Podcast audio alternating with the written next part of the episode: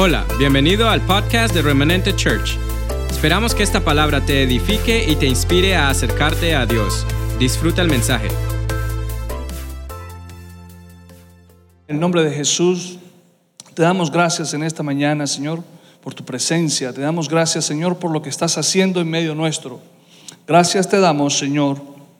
Y te pido, Padre, que esta mañana tu palabra sea una experiencia personal que sea una experiencia para que cada uno de nosotros sea tocado, Señor, sea removido en nuestro depósito, Señor, y sea transformado, mi Dios, conforme a tu propósito, conforme a tu palabra, conforme al destino profético, Señor, que has separado para nosotros, mi Dios.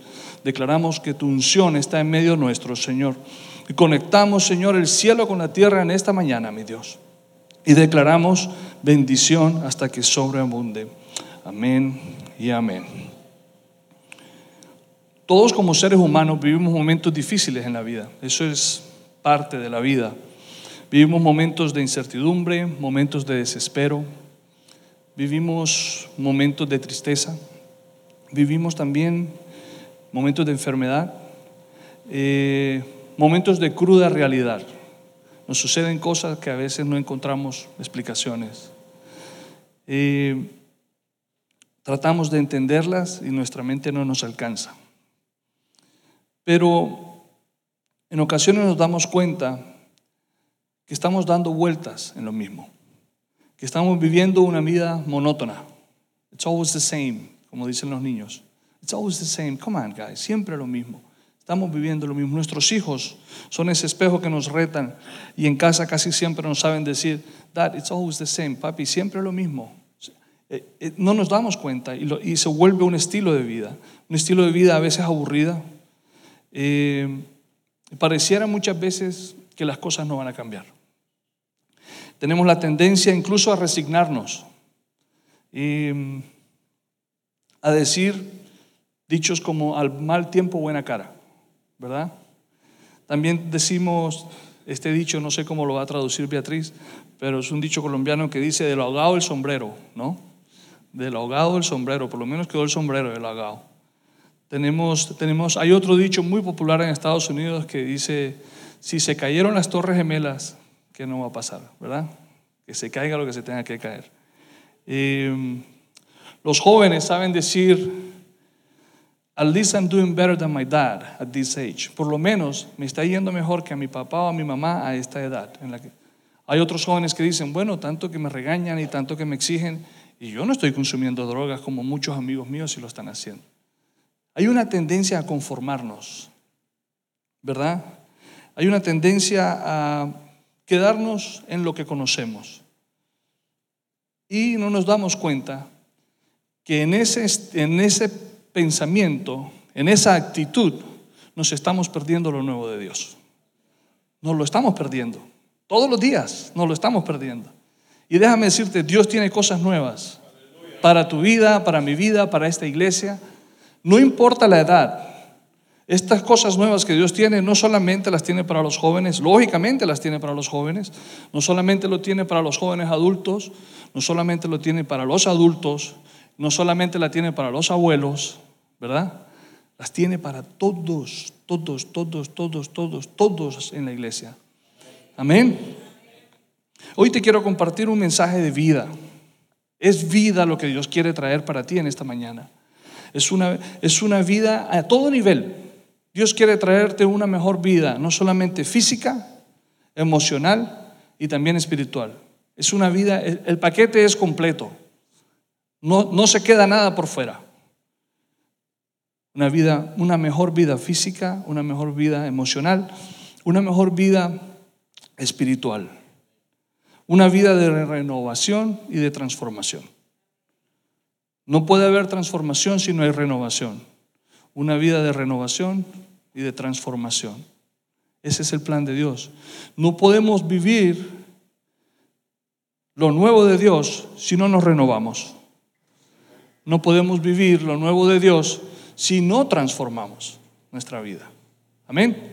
Entonces yo te invito que prestes mucha atención porque quizás los textos que vas a escuchar hoy los que te voy a leer o los que tú vas a leer, los has leído antes, los has escuchado antes, Quizás vas a decir otra vez van a hablar de lo mismo, pero yo te quiero decir algo. La revelación de hoy no es la misma revelación de ayer.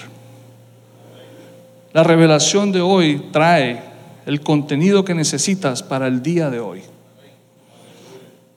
Viene a suplir todo aquello que tú necesitas para el día de hoy. Hablábamos con mi esposa y entendíamos que Dios es un Dios moderno. Es moderno. Él no pasa de moda. ¿Quiénes se acuerdan de los 70 cuando se usaban esos jeans con las botas anchas? ¿Verdad? Hay gente aquí que se acuerda de eso. ¿Verdad? Hay jóvenes que hace, no hace mucho se dieron cuenta que esos jeans se estaban volviendo a usar, volvió la moda, ¿verdad? La moda va y viene, la moda pasa de moda, aburre, es un momento nada más, pero la palabra, el Señor, vive en un eterno presente y es lo más moderno que jamás puede existir. Al Señor no lo tomó por sorpresa ni los satélites, ni el celular, ni el iPhone, ni, ni, las armas nucleares, todo, todo, todo, todo, todo, Él lo sabía y todo Él lo sabe. Por eso es el principio y el fin. Amén. Es el principio y el fin. No te olvides de eso. Lo primero que Dios quiere que hagamos es que renovemos nuestra mente. En Efesios 4, 22, 23 dice, en cuanto a la pasada manera de vivir, despojados del viejo hombre que está viciado conforme a los deseos engañosos y renovados en el espíritu de vuestra mente. Antes de seguir verdaderamente que los tiempos cambian, cuando yo iba caminando hacia el carro con mi esposa esta mañana, yo le dije, mami, de verdad que los tiempos cambian. Y me dice, ¿por qué? Dice, porque la primera vez que a mí me tocó compartir una iglesia, era regla tener que tener una corbata y usar zapatos brillados y, ¿no? y estar uno bien con un saco y esto y lo otro. Y hoy en día voy en jeans, en tenis, y de verdad que Dios, Dios es moderno, Dios cambia. Pero lo que Dios mira, Dios no mira la corbata, Dios no mira los tenis, Dios mira esto, Dios mira el corazón, la integridad de tu corazón. Amén. Vuelvo y les leo, en cuanto a la pasada manera de vivir, despojados del viejo hombre que está viciado conforme a los deseos engañosos y renovados en el espíritu de vuestra mente. Esa es la Reina Valera. Hay otra versión, la nueva traducción viviente, dice, desháganse de su vieja naturaleza pecaminosa, de su antigua manera de vivir, que está corrompida por la sensualidad y el engaño en cambio, dejen que el Espíritu, el Espíritu Santo, les renueve los pensamientos y las actitudes. Sencillo. Eso es lo primero que necesitamos hacer, renovar nuestra mente, estar dispuestos a recibir, a, recibir lo nuevo que Dios tiene. Muchas veces nos cerramos, nos cerramos y no nos damos cuenta. Queremos muchas veces, porque no renovamos nuestra mente, queremos que Dios obre como nosotros queremos que Dios obre. Queremos encasillar al Señor en un modelo. Lo queremos poner, queremos que Él obre en nuestras vidas y en la vida de mis hermanos y en la iglesia a la manera como yo creo que es lo mejor que puede pasar. Y por causa de que no renovamos nuestra mente, no nos damos cuenta que nos estamos perdiendo lo nuevo de Dios. Antes yo me recuerdo que cuando estábamos en las alabanzas, tenías que, por regla, si tú eras un hijo de Dios, tenías que levantar las manos. Por regla, si tú eras un hijo de Dios, tenías que aplaudir fuertemente. O sea, si eres un hijo de Dios, ah, eso es, no hace mucho, hermanos, eso no hace mucho. Eh, tú llegabas y tenías que arrodillarte, y, porque si tú no te arrodillabas, entonces no ibas a recibir de parte del Señor. Pero hoy en día yo veo los jóvenes brincar, saltar, alabar con gritos, ¿verdad? Los jóvenes alabando en libertad y yo les quiero decir algo, yo me contagio, yo empiezo a brincar, yo empiezo a gritar y me doy cuenta de que Dios es el Dios más moderno que el mundo puede experimentar. Lo encasillamos y no nos damos cuenta por falta de renovar nuestra mente. Dios no solamente es el Dios de la Biblia o el Dios de las historias de la Biblia. Él es el Dios de hoy. Él es el Dios de mañana. Él es el Dios de los siglos. La palabra dice en Hebreos 13:8 que Jesucristo es el mismo ayer y hoy y por los siglos. El mismo ayer, el mismo hoy y por los siglos. O sea, no pasa de moda. La palabra nos, lo confirma, nos lo verifica. él vive en un eterno presente. El mismo ayer, el mismo hoy y por los siglos. Debemos debemos cambiar nuestros hábitos de vida.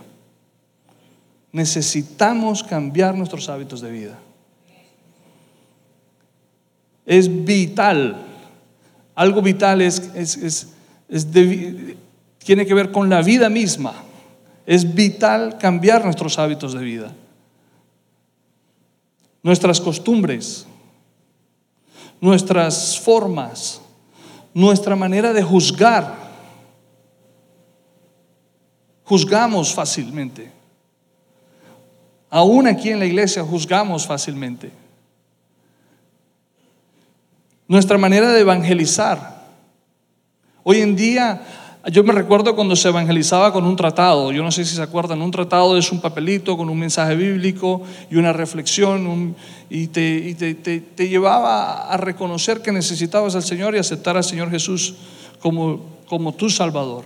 Pero hoy en día necesitamos aprender a evangelizar por Instagram. ¿Por qué no? Eso es nuevo. Si tú me dices a mí, no, hermano, definitivamente a mí la tecnología me atropelló.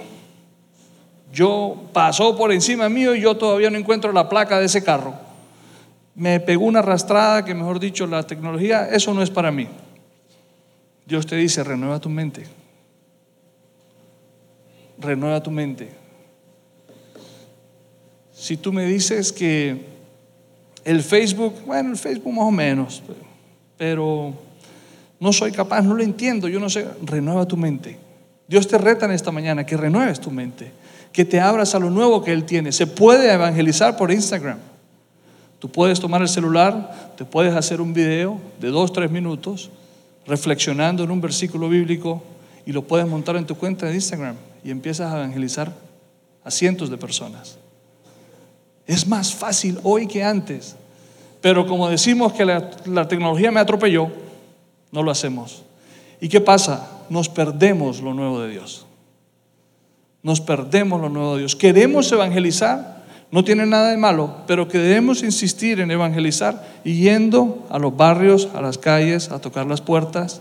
Y eso está muy bien, eso hay que hacerlo, no podemos dejar de hacerlo. Pero ¿por qué no también evangelizar en lo nuevo que Dios ha traído para el tiempo de hoy. Hoy puedes evangelizar estando en un pueblo en Honduras por medio del Internet a un hermano tuyo que está en la China. Imagínate el alcance del Señor hoy en día. Pero no nos damos cuenta que lo nuevo de Dios está enfrente nuestro y se nos está escapando como el agua que se escapa entre las manos. Quiero llevarte a que, a que renovemos nuestra mente quiero decirte algo, la salvación se logra con el corazón, pero el propósito se logra con la renovación de nuestra mente. Como cristianos nos hemos conformado con la salvación. La palabra dice esto acerca de la salvación. Mas ¿qué dice? Cerca de ti está la palabra, en tu boca y en tu corazón está la, palabra, está la palabra, en tu boca y en tu corazón está la palabra de fe que predicamos. Que si confesares con tu boca que, que Jesús es el Señor y creyeres en tu corazón que Dios le levantó de los muertos, serás salvo. Punto. Si lo confiesas con tu boca y crees en tu corazón. Entonces la salvación ya la tenemos, ya lo hemos confesado, hemos creído con nuestro corazón y ya somos salvos y creemos que estamos bien y que ya la hicimos, como se dice.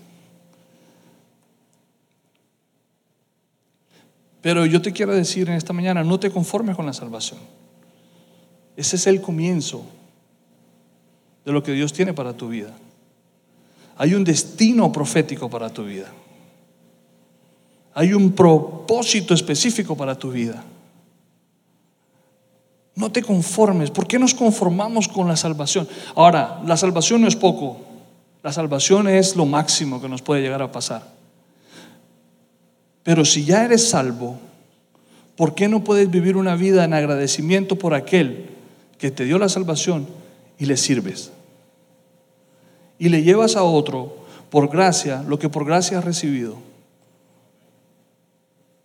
Porque no hemos podido haber hecho nada en este mundo que nos haya hecho ganar la salvación. Es por gracia. Pero la, conseguimos por nuestro corazón. Creímos en nuestro corazón, lo confesamos con nuestra boca y tenemos la salvación. Pero el propósito se logra si renovamos nuestra mente. Para aquel joven que está empezando el día de hoy, para esos jóvenes que se acaban de graduar y que tienen en cierta manera una incertidumbre con relación a su futuro, necesitas renovar tu mente y entrar en el propósito de Dios. Necesitas renovar tu mente y entrar en el propósito de Dios. Para ti, mujer, que acabas de tener un bebé, que yo sé que aquí hay varias, en mi familia hay varias, hay dos, y que creen que lograron lo máximo de una mujer, que es tener un bebé, déjame decirte que sí. Puede decirse que estás realizada, pero todavía no has cumplido tu propósito. Estás empezando. Y para poder cumplir tu propósito necesitas renovar tu mente. Para ti, madre, que dices que ya eres abuela y que, bueno, yo cumplí con mi tarea, ¿verdad? Los crecí, los eduqué, los corregí.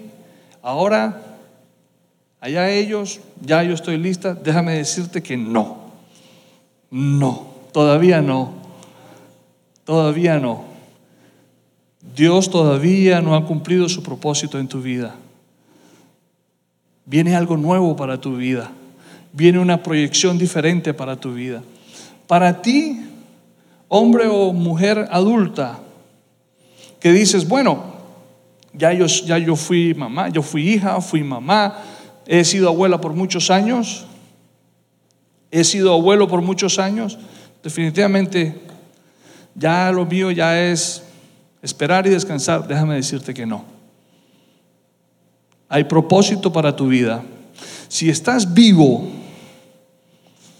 si tu corazón todavía palpita, si abres los ojos en la mañana, puedes respirar, todavía Dios no ha terminado contigo. Rápidamente quiero decirte, estuve en Colombia hace un mes, casi un mes, quizás menos de un mes. Fuimos porque estábamos convencidos que mi suegra iba a fallecer, estaba agonizando prácticamente. La noche que llegamos, una señora de 91 años, nos enteramos que ella había sufrido más de cinco isquemias cerebrales. Isquemias cerebrales es lo más parecido a paros cardíacos, ataques al corazón, pero a nivel del cerebro. Y cada vez que suceden dejan un daño cerebral. Entonces ella perdió movilidad, ella ha perdido la memoria, en fin. Y cuando llegamos pensábamos que ella iba a fallecer. De hecho, la misma noche que entramos a la habitación la encontramos muy mal. La noche siguiente la encontramos agonizando como un pececito cuando tú lo sacas del agua y está, abre la boquita buscando aire porque no puede respirar. Así estaba ella. Y pensábamos que se iba mamá Beatriz. Y bueno, oramos al Señor y esto y lo otro, y un momento difícil. Mi esposa se quedó con ella, oró con ella. En la mañana siguiente entró ella a la habitación y se encontró con la sorpresa. Le orábamos al Señor que ayudara a mamá Beatriz para que ella descansara porque ya había vivido bastante y había hecho bastante por todos. Y cuando entró mi esposa en la mañana siguiente a la habitación, se encontró con la sorpresa que, que mamá Beatriz tenía los ojos abiertos y la saludó y le dijo, ajá niña, fue impresionante. En este viaje rápidamente te puedo decir que aprendí que esa mujer a sus 91 años, aún estando postrada en la cama, Dios la tiene en esta tierra con un propósito y ha cumplido su propósito. Dios la tiene en esta tierra porque a través de ella fluye la bendición para la casa allá en Colombia. Porque a través de ella muchos en la familia, en esa semana que estuvimos allí, recibieron al Señor. Y pensábamos que ya era el tiempo para que ella se fuese. Entonces, para una persona que ha llegado a ese extremo, puedo yo decirte que Dios tiene propósito todavía porque está viva todavía. ¿Cuánto más para ti o para mí? Estamos aquí sentados con la salud que disfrutamos en el día de hoy. Amén. ¿Por qué te digo que el propósito se cumple, que el destino se cumple, el propósito se cumple con la renovación de nuestra mente? Romanos 12.2 dice, no os conforméis a este siglo, sino transformaos por medio de la renovación de vuestro entendimiento, para que comprobéis cuál es la buena voluntad de Dios agradable y perfecta. Te lo voy a leer de una manera fácil de entender. No te conformes al tiempo de hoy sino que transforma, transforma tu vida por medio de la renovación del entendimiento, para que puedas comprobar cuál es el propósito de Dios, que es agradable y es perfecto. Por eso es que el propósito de nuestras vidas lo logramos si renovamos nuestra mente. La salvación ya la tenemos ganada porque fue con el corazón mientras caminemos en el cumplimiento de nuestro propósito, mientras no caminemos en el cumplimiento de nuestro propósito, no vamos a vivir realmente. Va a ser aburrido, va a ser triste, va a ser monótono. Pero si te abres y te dispones a lo nuevo de Dios, sin importar la edad, entonces le vas a encontrar sentido a la vida. Amén.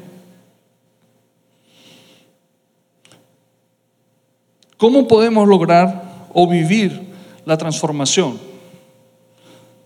Tomando una decisión. Te voy a contar una historia, está en la Biblia. Se trata de un del, fariseo Simón, que invita a Jesús a cenar en su casa.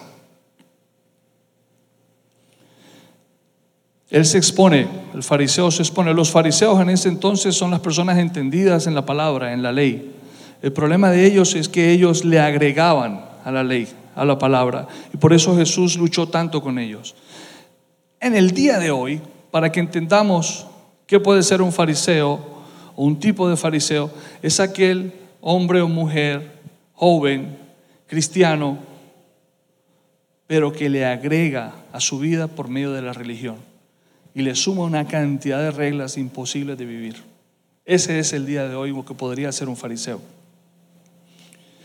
Entonces, por eso era que Jesús los llamaba tumbas vestidas de blanco, porque conocían la palabra, porque la habían estudiado, mas no vivían la palabra. Entonces este fariseo, Simón, invitó a Jesús a su casa y habiendo entrado en la casa del fariseo se sentó en la mesa. Ellos eran tan show off, como se dice en inglés. Les gustaba que todo el mundo supieran las buenas obras que ellos hacían. Entonces, cuando invitaban a alguien importante a su casa a cenar, dejaban las puertas abiertas para que la gente en la calle se diera cuenta que ellos tenían a alguien importante en casa cenando. Sobre todo cuando era un sacerdote o. En este caso, Jesús era, en ese momento, era la persona que estaba el Señor usando fuertemente a nivel de la palabra. Entonces el fariseo tomó el riesgo y lo invitó a su casa y quería que todos vieran. Pero la historia dice que cuando se sentó en la mesa, entonces una mujer de la ciudad que era pecadora, al saber que Jesús estaba en la mesa, a la mesa en casa del fariseo, trajo un frasco de alabastro con perfume. Alabastro no es más que un material, una piedra. Eso es alabastro. Y, es un material que se usaba en ese entonces para almacenar perfumes. Y estando detrás de él, a sus pies, llorando, comenzó a regar con lágrimas sus pies. Quiero que me ayuden a recrear esto. Tenemos 15 minutos para hacerlo, suficiente tiempo. Quiero que me ayuden a recrear este momento. Entra Jesús a la casa, se sienta a la mesa del fariseo, las puertas están abiertas, toda la gente está mirando. Los teólogos enseñan que aún aquellas personas pobres de la calle que no tenían que comer, les era permitido acercarse un poco a la puerta para que aquellos que estaban sentados a la mesa comiendo les arrojaran las sobras y ellos podían comer de las sobras.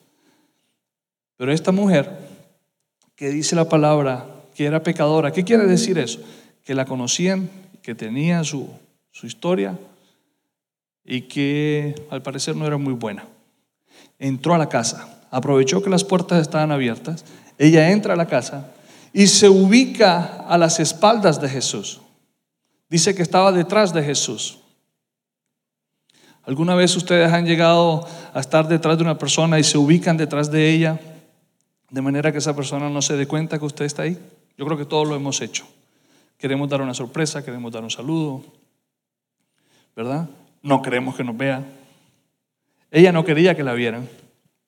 Y entra a la casa, se ubica detrás de Jesús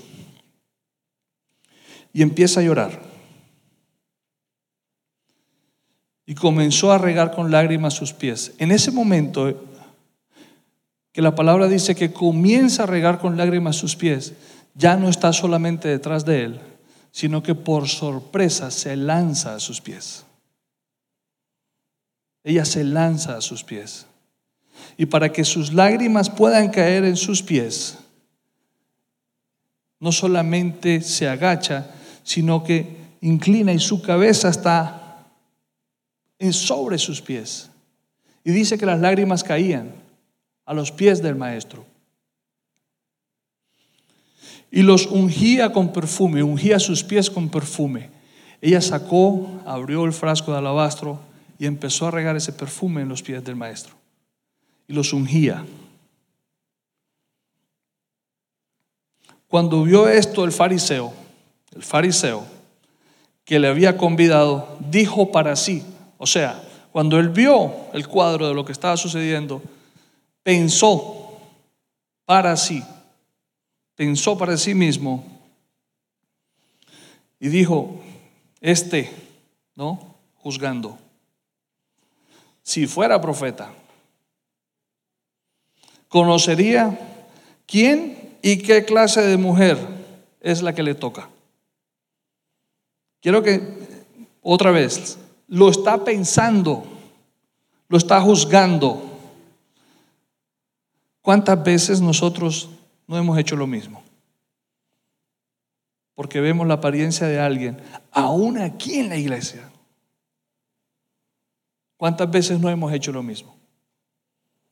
¿Cuántas veces no ha venido una persona aquí enfrente de la cual conocemos su historia y se baja el predicador o viene el líder o viene el pastor y lo abraza? ¿Y cuántas veces no decimos nosotros, ah, si supiera el pastor? La pelucita que tiene ahí en las manos. Ah, yo por eso yo no le creo. Ah, cuando se acaba el servicio, yo se lo voy a decir. ¿Verdad? Lo pensamos. Yo creo que no distamos mucho de este fariseo. Si supiera que él, dice, dice, primero dice este, con una manera despectiva que se expresa el Señor, dice este, ¿no? Si, su, si fuera profeta, o sea que ya, ya no era profeta. Si fuera profeta, conocería quién y qué clase de mujer es la que le toca, que es pecadora, la juzga el hacha a la raíz. No va más, para él no va más. Entonces, dice la palabra, respondiendo Jesús, le dijo, Simón, una cosa tengo que decirte. Y claro, Simón le dijo, oh, di, maestro. ¿No? Ahí está la palabra. Yo no me lo estoy inventando, aquí está. Él le dijo, oh sí, di maestro. Entonces ella, primero lo había juzgado y había dicho que no era un profeta en su mente. Pero cuando Jesús le dice, Simón, quiero decirte algo, él le dice, oh sí, maestro, di maestro. Oh sí, maestro. Aleluya, gloria a Dios, amén. Rambo saca la bazuca, brinca la cerca. Amén, amén. Un acreedor, dice Jesús, un acreedor tenía dos deudores. El uno le debía 500 denarios y el otro le debía 50. Uno le debía 500 dólares y el otro le debía 50 dólares. Y no teniéndolos ellos con qué pagar, entonces él perdonó a los dos. Dime entonces, Simón, ¿cuál de ellos dos le amará más? Respondió Simón, pienso que aquel al que perdonó más. Y Jesús le respondió y le dijo, rectamente ha juzgado. Y entonces él hace algo significativo aquí. Después de que le dice, oh, Simón, ha respondido muy bien, voltea y mira a la mujer. Acuérdense cómo está la mujer, a los pies del maestro, llorando, secando los pies del maestro después de que los ungió con perfume y con sus lágrimas, con sus cabellos, dice la palabra. Él voltea a la mujer y empieza a contemplarla, lo que ella está haciendo. Y dijo a Simón, ¿ves esta mujer? Él está aquí, la está mirando a ella. Simón está a un lado y él la está mirando a ella, pero le está hablando a Simón. Y le dice, ¿ves a esta mujer? Ella entra en tu casa.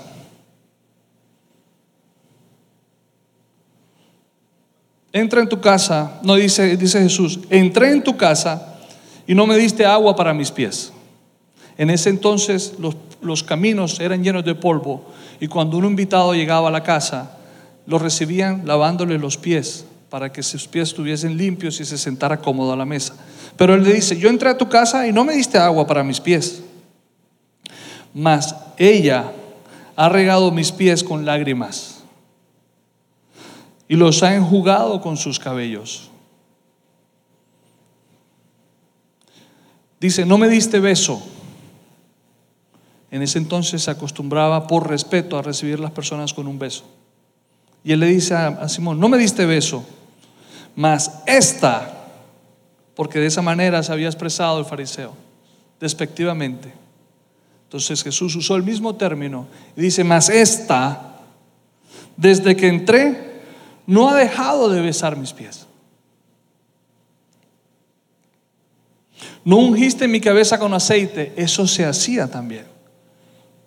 Se ungía la cabeza del invitado con aceite. Y él le dice, no ungiste mi cabeza con aceite, mas esta, mirándola a ella, acuérdense que no lo está mirando a él, la está mirando a ella. Ha ungido con perfume mis pies, no con aceite, sino con perfume. Ese lugar, los teólogos enseñan que el lugar se inundó del olor del perfume e impactó la vida de las personas. Ella derramó todo lo que tenía. Ella derramó su alma a los pies del Señor. Derramó su perfume, que también enseñan que era muy valioso, y lo derramó para ungir los pies del Maestro. Por lo cual te digo que sus muchos pecados le son perdonados porque amó mucho. Mas aquel a quien se le perdona poco, poco ama.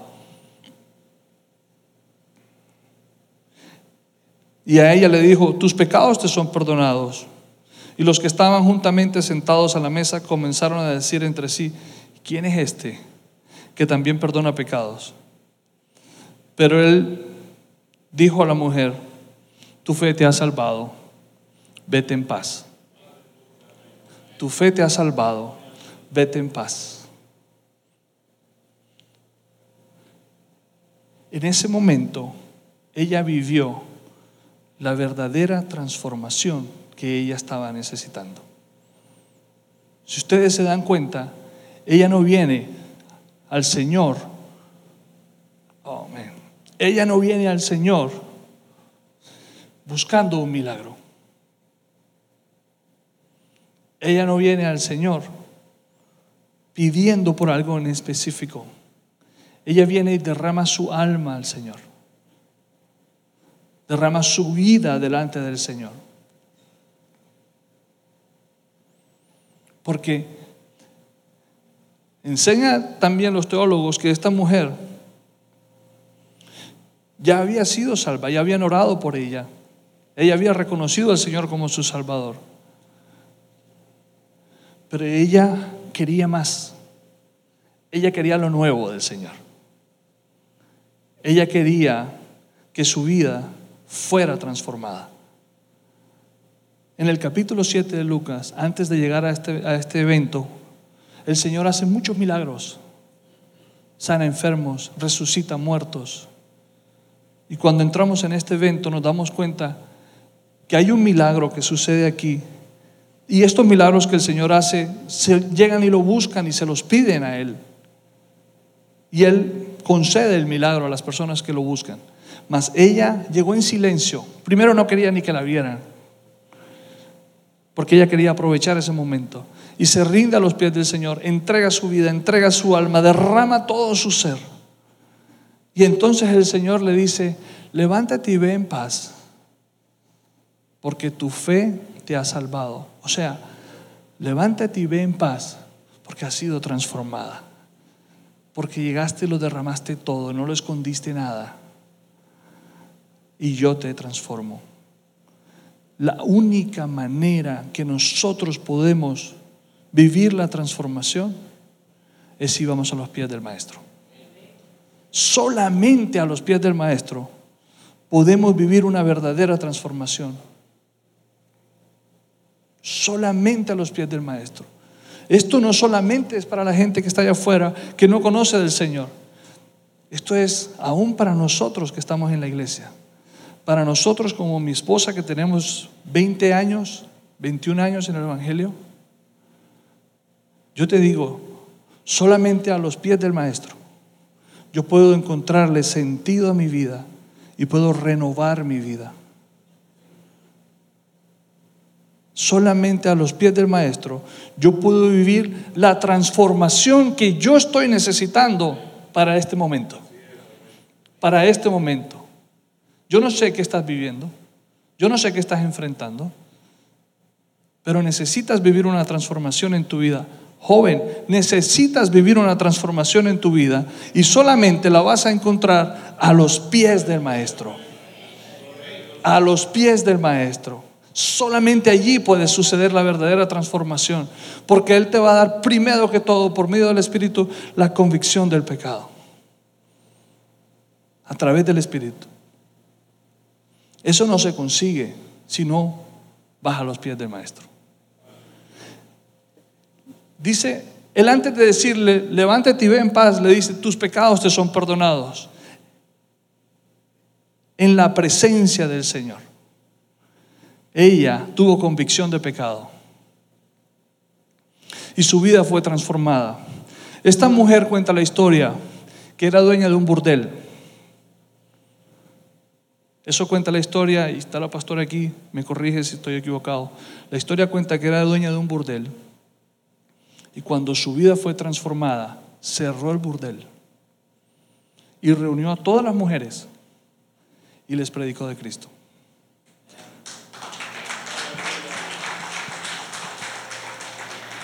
Su vida fue transformada.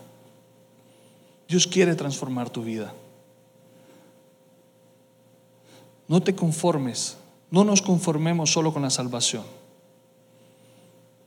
Renovemos nuestra mente persigamos el propósito. Transformemos nuestra vida. Dispongamos nuestra vida, nuestra alma, nuestro corazón para recibir lo nuevo que Dios tiene. No te quedes en el lugar seguro, en el lugar que conoces. Atrévete a dar un paso diferente. Da un paso hacia adelante. No tienes que dar 10 pasos, no tienes que dar 15, no tienes que dar 20, pero asegúrate de que siempre das un paso hacia adelante. Siempre dar un paso hacia adelante. Lo nuevo de Dios es ahora, no es mañana.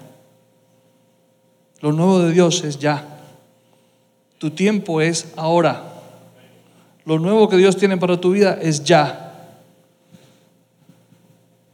¿Dónde está la mamá de Jenny? Mi señora, levante su mano. Dios me dio una palabra para usted. Dios me dijo que Él va a bendecir su vida. Dios me dijo que llegó tiempo diferente. El Señor me dice que va a haber una unción de creatividad sobre su vida. Una unción de, el Señor va a crear cosa nueva en su vida. Creatividad para su negocio. Creatividad para sus hijas y sus nietos.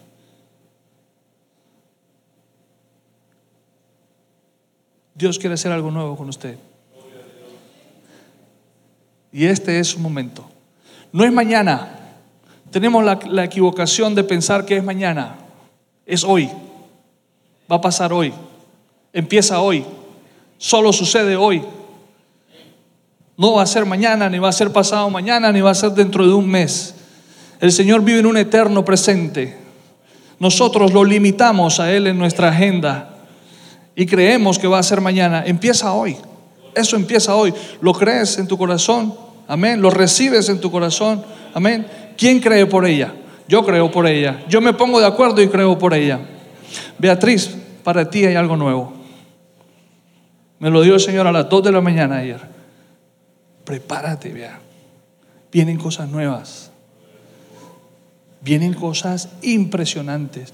Hay, hay una palabra que el Señor puso en mi corazón. Es arrollador lo que Dios quiere hacer con tu vida. Es arrollador. Es como cuando te, te, metes al mar y viene una ola fuerte y te tumba y te levantas y no sabes si estás mirando para el mar o para la playa y dónde es que estaba. Así es la bendición que Dios tiene para tu vida. Pero necesitas renovar tu mente. Necesitas renovar tu mente. En la renovación de nuestra mente vemos cumplida la palabra profética sobre nuestra vida. En la renovación de nuestra mente vemos cumplido el propósito para el cual Dios nos creó. No necesitamos renovar nuestra mente para recibir salvación. La salvación la recibimos porque creemos por fe con nuestro corazón y lo confesamos con nuestra boca. Pero necesitamos, es vital, es importante renovar nuestra mente para ver las bendiciones que Dios tiene para nuestras vidas, para recibir las bendiciones que Dios tiene para nuestras vidas. Constantemente nos llama a ensancharnos, a crecer. Amén. ¿Cuánto puede dar gloria a Dios en esta mañana? Gloria a Dios, aleluya.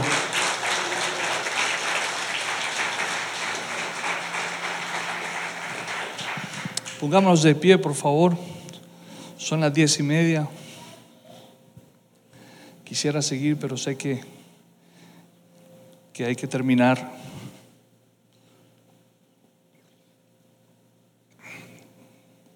¿Cuánto pueden decir que el Señor les habló en esta mañana? Amén. ¿Cuánto pueden decir que Dios trae una palabra fresca? Es una palabra que ya hemos escuchado, es un versículo que ya hemos usado lo hemos escuchado en diferentes prédicas, pero la revelación de esta palabra es fresca para el día de hoy. Es para la necesidad tuya en el día de hoy. Aleluya.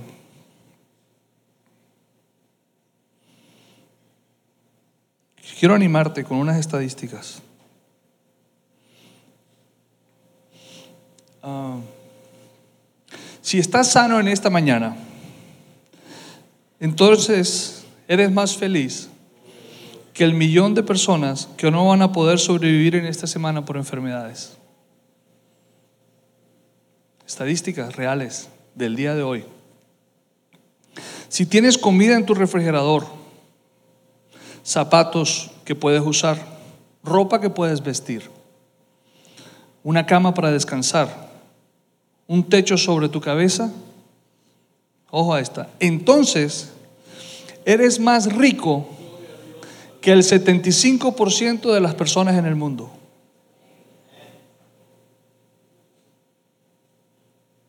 Wow. El 75% de las personas en el mundo les hace falta algo de esto que les acabo de mencionar. Si tienes una cuenta bancaria, o dinero en tu billetera o monedas en una alcancía o en una vasija,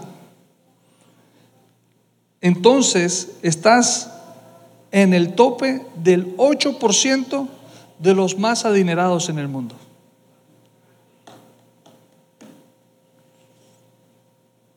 No vemos, no vemos lo nuevo de Dios. Se nos escapa como el agua entre las manos.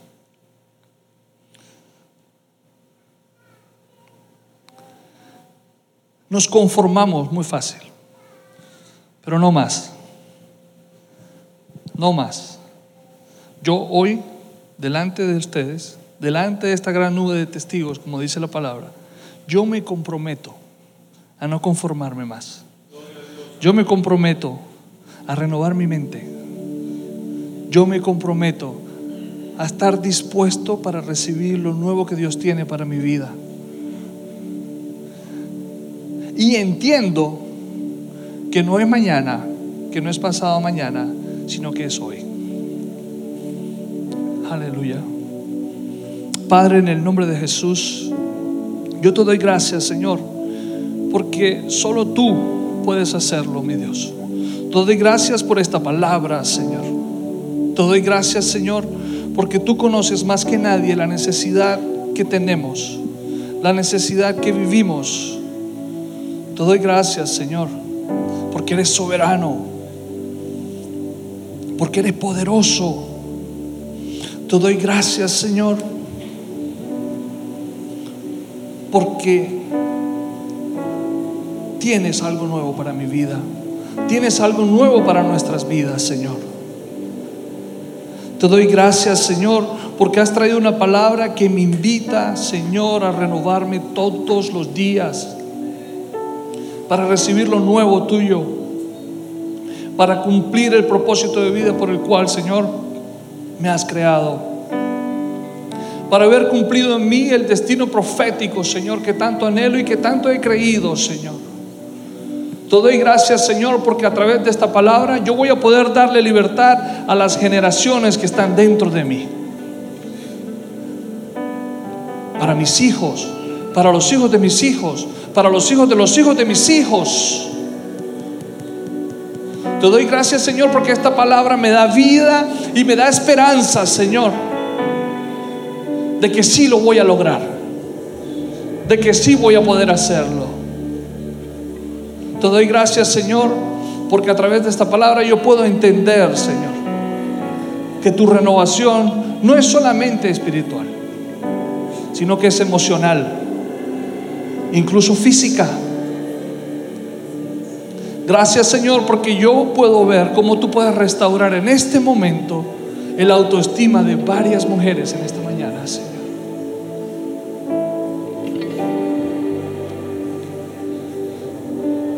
Que te miras al espejo, que te descalificas, que te criticas, que dices que tus años hermosos y de juventud ya pasaron. El Señor te dice en esta mañana que Él quiere derramar sobre ti una unción de lozanía. Él quiere renovar tus fuerzas. Él quiere renovar tus emociones. Él quiere restaurar tu vida.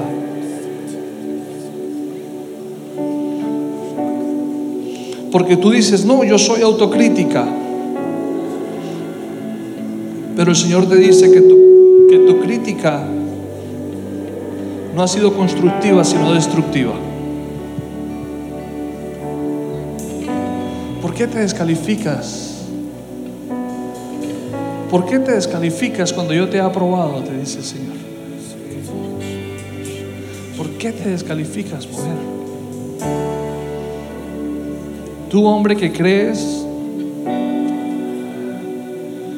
que hay cosas que tú no vas a poder lograr porque quizás a ti no te corresponde como tal, que solamente es para aquellos hombres que tuvieron un ejemplo y un modelo a seguir, que para ellos son el bienestar, las riquezas, la libertad financiera, las vacaciones, El Señor te dice que si quieres un modelo, lo vas a encontrar a los pies del Maestro. Ahí está tu modelo a seguir. Ese es tu mejor modelo. Quizás no tuviste un padre que te enseñara o que te corrigiera o que te exigiera. Pero el Señor te dice en esta mañana, yo soy tu padre. Si tu madre y tu padre te dejan con todo, yo te recogeré. Con todo, te dice el Señor, yo te recogeré. Padre, te damos gracias, Señor. Bendecimos, Señor, la vida de cada una de las personas que están aquí reunidas, Señor. Y declaramos que esta palabra, Señor, no cae, Señor, en tierra infértil, sino que ha caído en el mejor terreno posible, mi Dios. Y sabemos, Padre, que hemos de ver testimonio de vida, hemos de ver cambios, hemos de ver progreso, hemos de ver salud, hemos de ver, Señor, las grandes maravillas que tienes para nosotros, porque estamos dispuestos a renovar nuestra mente, Señor, porque estamos dispuestos a recibir lo nuevo del Señor. Aleluya. Gracias, Señor. Amén. Amén.